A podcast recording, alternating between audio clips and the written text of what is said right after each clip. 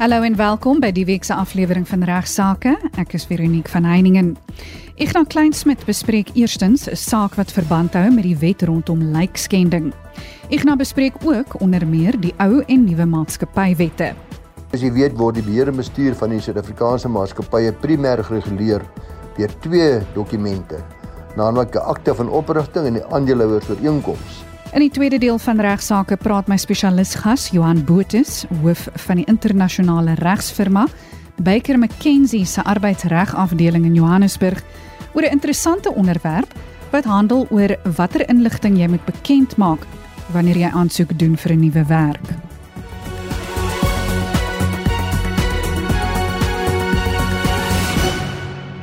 Ons begin die weekie program met Igna wat 'n luisteraarsbrief bespreek wat handel oor die wet op lijkskending. Ignas verduidelik. Ja, hartlike goeiemôre aan al ons luisteraars en veral ook nuwe luisteraars wat dalk nog nie voorheen saam met ons gesels het oor hier by regsaake, oor sake van algemene belang vir ons luisteraars wat die reg betref nie. Baie welkom. Ek gaan vandag 'n interessante saak met u hanteer wat ek laasweek vir die kennis van gegee het, naamlik die kwessie van lijkskending. Ek het self al baie gewonder en ek kry 'n briefie van Elizaan Jansen van Rensburg Ceres wat sê sy wil graag 'n paar dinge weet. Wat is die wetlike definisie van lijkskending? Hoekom is dit strafbaar?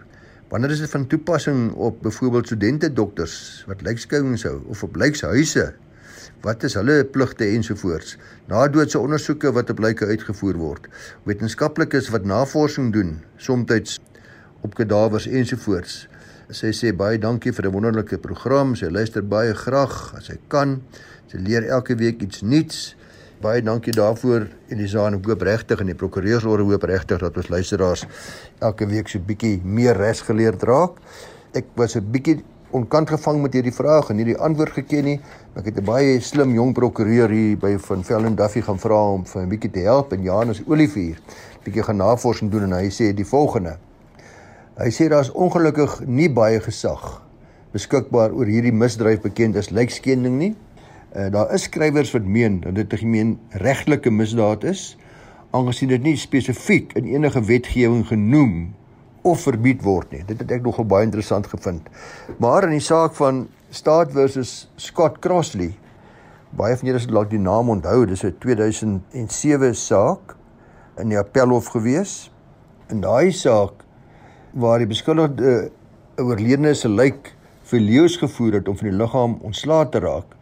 Daardie hoogste hof van appel genoem dat die rede waarom lijkskending inderdaad in Suid-Afrika 'n misdaad is, is omdat dit teen die regsopvatting van die gemeenskap is. Die hof se woorde is it offends the public sense of decency contra bonus mores die bekende skrywer en die studente wat luister sal hom dalk nou ken en die prokureurs CR Snyman in die 6de uitgawe van sy handboek getiteld Strafreg definieer lijkskending as die wederregtelike en opsetlike skending van 'n lijk. Met ander woorde, om jouself skuldig te maak aan die misdryf, moet jy wederregtelik en opsetlik optree.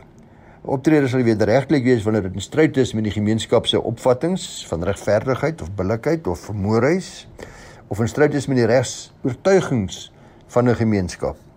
Wanneer 'n dokter nou byvoorbeeld 'n nadoodse ondersoek of 'n autopsie doen of 'n begrafnisondernemer maak werk met 'n lijk om die lijk reg te kry vir die ter aarde bestelling, kan daar nie sprake wees van wederregtelikheid nie. Want dit druis nie in teen die regsoortuiging en die regsgevoel van die gemeenskap nie. Dus is dit nie lijkskending nie. Natuurlik is daar intussen ook talle wette in plek gestel wat reëls en vereistes voorlê oor hoe daar met lyke te werk gegaan moet word. Mens kan nie net maak wie jy wil nie. Hierdie wet is uit in die Wet op Nasionale Gesondheid. Dis 'n wet van 2003, Wet op Bedryfsiektes en Myne en Bedrywe, Wet van 1973 en dan die Wet op Geregtelike Doodsondersoeke wat ook sekere voorskrifte het wat gevolg moet word. Maar daar moet onderskeid getref word, Elisaan en luisteraars, tussen die misdryf van lijkskending en die van 'n seksuele handeling met 'n lijk.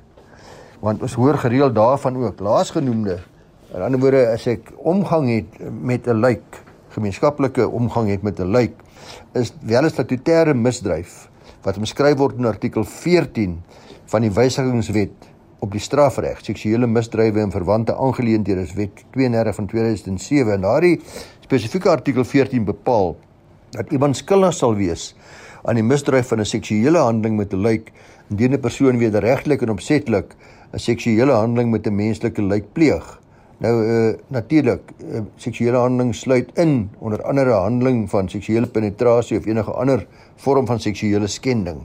Weereens het ons hier te doen met die element en vereistes wederregtelikheid wat ek reeds met u bespreek het, is ook opset.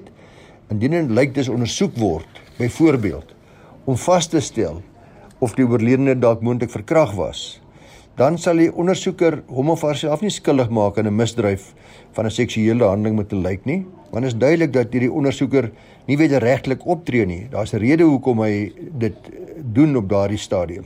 Dis natuurlik onderhewig daaraan dat die toepaslike wetgewing wat hierop van toepassing is behoorlik deur daardie persoon nagekom word.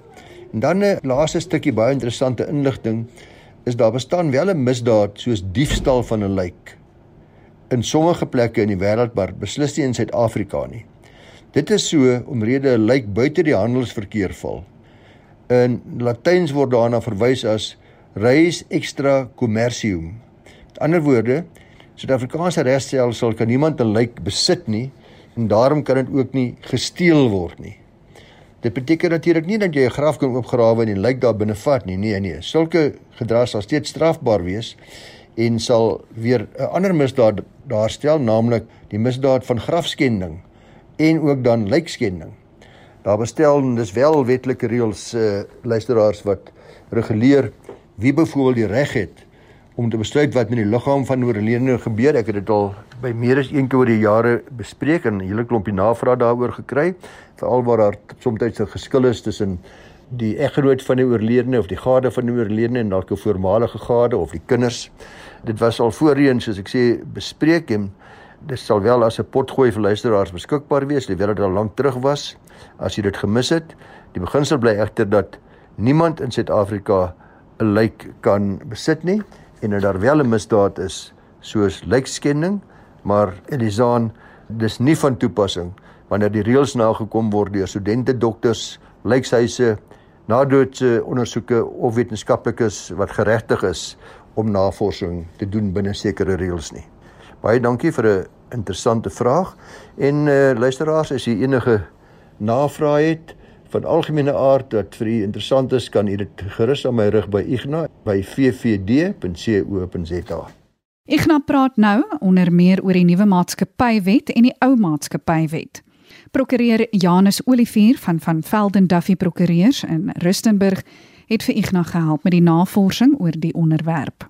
Ja, dan lyk my vandag is eintlik by Janus Olivier 'n lekker skerp senior assosiaat hier by van Velden en Duffy se eiendomsreg afdeling se program en ek het hom gevra 'n bietjie vir my te gaan kyk na die verwarring wat bestaan oor aktes van oprigting, aandeelhouers ooreenkomste, sogenaamde memorandums of association, articles of association ensovoorts, nuwe maatskappywet, die ou maatskappywet. En soos jy weet word die beheer en bestuur van die Suid-Afrikaanse maatskappye primêr gereguleer deur twee dokumente naamlik 'n akte van oprigting en die aandeelhouers ooreenkoms. En uh, die akte van oprigting se nuwe benaming in praktyk is die sogenaamde MOU, want jy weet dit is in Engels wat 'n afkorting is van die naam Memorandum of Incorporation of Memorandum van Inkorporasie. Maar mense is nog steeds baie die mekaar as vol van ou handboeke en ou artikels wat nog verwys na 'n Memorandum of Association of Articles Association, maar hierdie was die ou wet van 1973 en dis nou vervang met nuwe terminologie in die wet van 2008 wat eers in 2011 in werking getree het. Nou die primêre verskil tussen akte van oprigting en 'n aandeelhouers ooreenkoms lê eerstens daarin dat 'n maatskappy gevolg hierdie maatskappywet let wel verplig is om 'n akte van oprigting te hê. Nou maar daar is natuurlik geen verpligting om 'n aandeelhouers ooreenkoms te hê nie. Tweedens moet 'n akte van oprigting by die CIPC geregistreer word. Sodoende word dit 'n openbare dokument want die inhoud van 'n maatskappy se akte van oprigting is vir almal beskikbaar om na te kyk daar by die CIPC terwyl 'n aandeelhouers ooreenkoms aan die ander kant word nie geregistreer nie en dit is 'n doodgewone private ooreenkoms tussen die aandeelhouers. Nou vir luisteraars wat dalk dan nie weet wat die CIPC is waarvan ek praat nie. Dit staan ongelukkig weer as jy weet net in Engels vir the Companies and Intellectual Property Commission. Dis waar alle Suid-Afrikaanse maatskappye geregistreer moet word. Net 'n bietjie meer ook praat oor aandeleblok maatskappye. Dit is wel moontlik om al die bepalinge wat in 'n aandeelhouersooreenkoms vervat sou word ook in die akte van inderogrigting te inkorporeer om dan net een dokument te hê. Die effek sal net wees dat die inligting openbare inligting word wat mense nie altyd wil hê nie. Dis die hoofrede waarom aandeelhouers oor inkomste soms maar liewers privaat gehou word.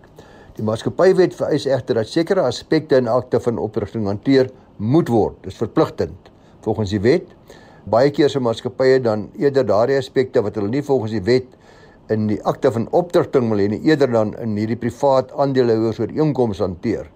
Maar 'n maatskappy kan egter nie 'n aspek op een manier in sy akte hanteer en op 'n ander manier in die aandeelhouers oor inkomste nie, want artikel 15 subartikel 7 van die maatskappywet en dis baie belangrik, bepaal spesifiek dat enige bepaling van 'n aandeelhouers oor inkomste wat strydig is met die bepalinge van die akte van oprigting, die standaard akte van oprigting wat op al die maatskappye van toepassing is, nietig is in die mate waarin strydig is. Met ander woorde, die akte van oprigting wat die maatskappywet voorskryf, is sterker as jou aandeelhouers ooreenkoms waar die twee nie met mekaar ooreenkom nie. Soos ek nou genoem het, dis nie meer toelaatbaar onder die nuwe maatskappywet nie om dan 'n dokument op te stel wat sterker is as die akte van oprigting nie. Nou aspekte wat gewoonlik dan in 'n aandeelhouers ooreenkoms gehanteer word is sekere klousules wat bepaal dat indien die meerderheidsaandeelhouers hulle aandele verkoop, kan die minderheidsaandeelhouers eis dat hulle aandele ook dan eers aan daardie koper verkoop moet word sodat hulle nie as minderheidsaandeelhouers in 'n maatskappy met 'n onbekende nuwe meerderheidsaandeelhouers agterbly nie of ander voorkoops klousules wat daarin bepaal word. Daar is ook wat ons noem die drag along klousule, die saamgang klousule wat bepaal dat indien aandeelhouers 'n koper vind wie bereid is om 100% van die aandele te koop, dan kan die meerderheid aandeelhouers die minderheid dwing om hulle aandele te verkoop of ook uh, soms handelsbeperkings en nie mededingingsklausules om aandeelhouers te verhoed en te verbied om met die maatskappy mee te ding op 'n onbillike manier. Ook 'n geagte aanbod van aandele dis om voorsiening te maak vir sekere gevalle waar dit geag word dat 'n aandeelhouer sy aandele aanbied om te verkoop soos byvoorbeeld by die dood of insolventie van die betrokke aandeelhouer Daar's talle ander aspekte wat in aandeelhouers ooreenkomste gehanteer kan word luisteraar, maar daarvoor moet u maar spesialis eiendomsreg prokureur daar in u omgewing gaan sien. Ek is ook betrokke by 'n ander blokmaatskappy en ek gedink dis net belangrik dat ons vir interessantheid maar ook net daarop wys dat aandeleblokmaatskappye word hoofsaaklik gereguleer deur die Wet op Beheer van Aandeleblokke. Dis 'n wet 59 van 1980, maar belangrik. Artikel 3 van daardie wet bepaal baie spesifiek dat al die bepalinge van die maatskappy, dit wat ek nou met u bespreek het, ook op 'n aandeleblokmaatskappy van toepassing is.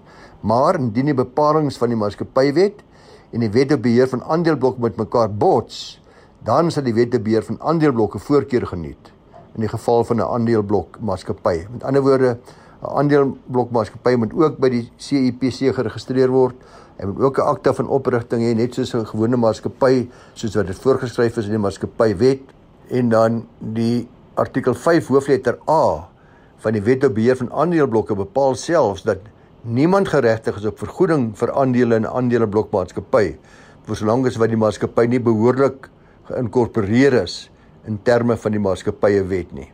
So 'n aandeleblokmaatskappy kan ook 'n ander houers ooreenkoms optrek en Die meeste aandeleblokke word maar genoem eintlik 'n gebruiksooreenkoms. Dis maar dieselfde as aandeelhouers ooreenkoms wat deur almal onderteken moet word en saamgestem moet word by besluit word by vergaderings. Dis tussen die aandeelhouers en die maatskappy wat spesifiek reguleer hoe elke aandeelhouer die onroerende eiendom kan gebruik. So luisteraars, in feite beteken dit maar as daar nie 'n botsing is tussen die wet op beheer van aandeleblokke en die maatskappye wet nie dat eintlik dit maar presies dieselfde hanteer word as by 'n gewone maatskappy. Baie dankie dat jy so vriendelik was om saam te luister en ek sien uit daarna om weer met jou te gesels volgende maandag om 11:30. Groete.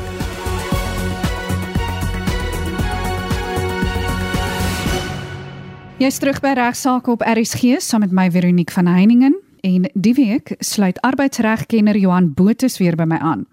Hy is hoof van die internasionale regsfirma Baker McKenzie se arbeidsregafdeling in Johannesburg. Johan praat onder meer oor wat jou te doen staan indien jy by jou vorige werk weens wangedrag afgedank is en nou aansoek doen vir 'n werk by 'n nuwe maatskappy. Die vraag ter sprake is of jy onder 'n verpligting is om dit aan die potensiële werkgewer bekend te maak. Welkom terug by regsaake Johan. Johan, soos ek nou net genoem het, sê nou maar ek is afgedank weens wangedrag by my vorige werk, maar doen tans aansoek vir 'n pos by 'n ander maatskappy. Moet ek hulle in kennis stel dat ek ontslaan was deur my vorige werkgewer? Ja, dis nou 'n baie interessante vraag. Wat ons regsposisie aanbetref in Suid-Afrika, is daar nie 'n algemene verpligting op 'n aansoeker vir 'n pos of 'n aansoeker vir 'n nuwe werk om nou hand aan bors te slaan en alles te bely wat jy ook al in die verlede verkeerd mag gedoen het nie. Dus as ek nou iets verkeerd gedoen het en afgedank is, moet ek dit nie op my CV insluit nie of hoe? Nee, weer eens die verpligting is nie op 'n aansoeker vir 'n pos om in soveel besonderhede alles wat relevant is tot die aansoek vir die werk met die nuwe werkgewer te deel nie die inligting en die inligting wat jy op jou CV plaas, moet uit die aard van die saak 100% korrek wees. So jy kan nie oneerlik wees wanneer jy inligting op jou CV plaas. So jy kan nie sê ek is weg by my vorige werkgewer want ek het bedank onder omstandighede waar jy eintlik afgedank is nie. Dit is net duidelik oneerlik en die nuwe werkgewer sal stappe teen jou kan neem indien hulle dit sou uitvind, maar meer daaroor later. Maar wat die die algemene beginsel aanbetref is dit wat jy op jou CV plaas, moet korrek wees en jy moet eerlik wees oor dit wat jy daarin sê. Maar jy het nie 'n verpligting om elke liewe foutjie wat jy in jou verlede gemaak het, nou met jou nuwe werkgewer te deel nie. Maar daar's 'n paar belangrike punte wat ons net nou moet kyk van wat riglyne kan gee vir die luisteraars oor hoe hulle met so 'n dilemma moet deel. Nou waar trek ons die lyn van wat wel verklaar moet word en wat nie? Byvoorbeeld, ek kry dalk 'n verkeersboete Moet ek dit verklaar wanneer ek aansoek doen vir 'n nuwe werk? Die eerste belangrike beginsel wat ons in ag moet neem is het die verklaring betrekking op die nuwe pos. So as ek 'n verkeersboete het, sekerlik is dit nie iets wat ek aan 'n nuwe werkgewer hoef te openbaar nie. Maar as ek aansoek doen vir 'n pos as 'n drywer of 'n bestuurder van 'n swaar voertuig of 'n voertuig wat 'n uh, 'n bus wat kinders vervoer toon na skool toe en in terug. As ek 'n geskiedenis het van verkeersoortredings, sekerlik is dit tog iets wat relevant is, wat belangrik is en wat ehm um, betrekking het op hierdie pos waarvoor ek aansoek doen. So wat beide die werkgewer en die aansoeker vir die pos hulself moet afvra is, is dit belangrik vir die werkgewer om hierdie inligting te weet sodat hulle 'n besluit kan maak oor my bevoegdheid vir die nuwe pos ja of nee. Indien dit relevant is, dan kan daar onder sekere omstandighede 'n verpligting wees op 'n op 'n aansoeker vir die pos met bloot te stel. Maar vir werkgewers is daar dan 'n verpligting om seker te maak dat hulle daai inligting versoek vir die aansoeker van die pos. So dit is met ander woorde belangrik dat die inligting wat my in die moeilikheid kan kry relevant moet wees. Byvoorbeeld 'n kriminele rekord of selfs iets soos 'n skulderkenningsboete wat ek moes betaal toe ek byvoorbeeld iets kleins gesteel het in 'n winkel in my jonger dae. Moet ek dit verklaar indien ek 'n jaar later sou aansoek doen vir 'n werk? In menige gevalle behoort 'n kriminele rekord jou nie te verhoed om 'n pos te beklee in baie maatskappye nie. Daar is egter poste waar selfs 'n klein of selfs miskien 'n minder ernstige kriminele oortreding uiters relevant kan wees tot die pos en jou kampootjie en 'n werkgewer kan verhoed om jou in diens te stel. Daar is poste waar die publiek se vertroue in die integriteit van die rol van so belang is dat selfs 'n uh, strafregtelike oortreding soos ek is gevang en het 'n skulderkenningsboete betaal met 'n pakkie skyfies by 'n uh, winkel gegaps het toe ek jonk was. Dat selfs so iets uiters relevant kan wees en 'n werkgewer kan verhoed om jou in diens te stel. As ons kyk na die regsberoep byvoorbeeld om deur die hof toegelaat te word om 'n prokureur te wees, sê ons wet dat jy 'n geskikte persoon van inbors moet wees.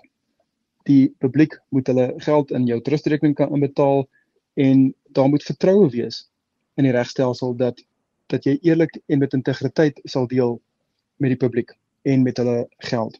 Dis het ons het al gesien dat waar regstudente aansoek doen vir poste en hulle dan strafregtelike oortredings begaan het, dat die Raad vir die Regsberoep en selfs die hof dan daai diskresie kan uitoefen om te weier dat 'n persoon met so 'n uh, kriminele rekord toegelaat kan word as 'n prokureur. In die aard van die saak sal beide die raad en die en die hof kyk na die feite van elke saak en dit als in ag neem wanneer hulle besluit of 'n persoon wel geskik is om so 'n ampt te bekleed.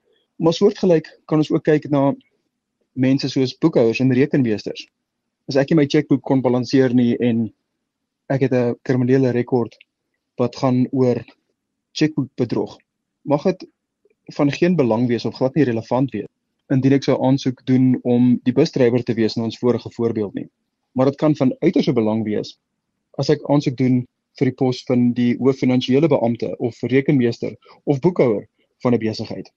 So ons sien dan dat wat kriminele rekords aanbetref, in sekere gevalle dit uiters relevant sal wees en dit is baie belangrik dat 'n aansoeker vir 'n pos so 'n oortreding sal openbaar aan die werkgewer wanneer hulle wil aansoek indien of gaan vir 'n onderhoud met die werkgewer.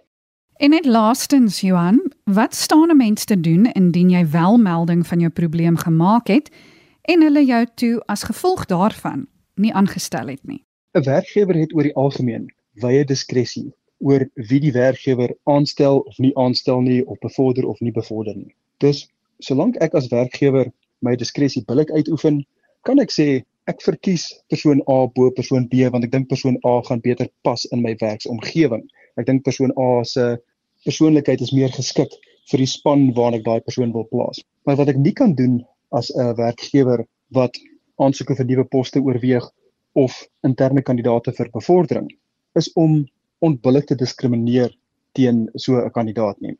As 'n algemene beginsel word net werknemers deur die arbeidswetgewing gedek. So net werknemers geniet die beskerming van ons arbeidswetgewing. Een interessante uitsondering op daai algemene reël is dat aansoekers vir poste het ook beskerming in terme van die wet op gelyke indiensneming teen onbillike diskriminasie.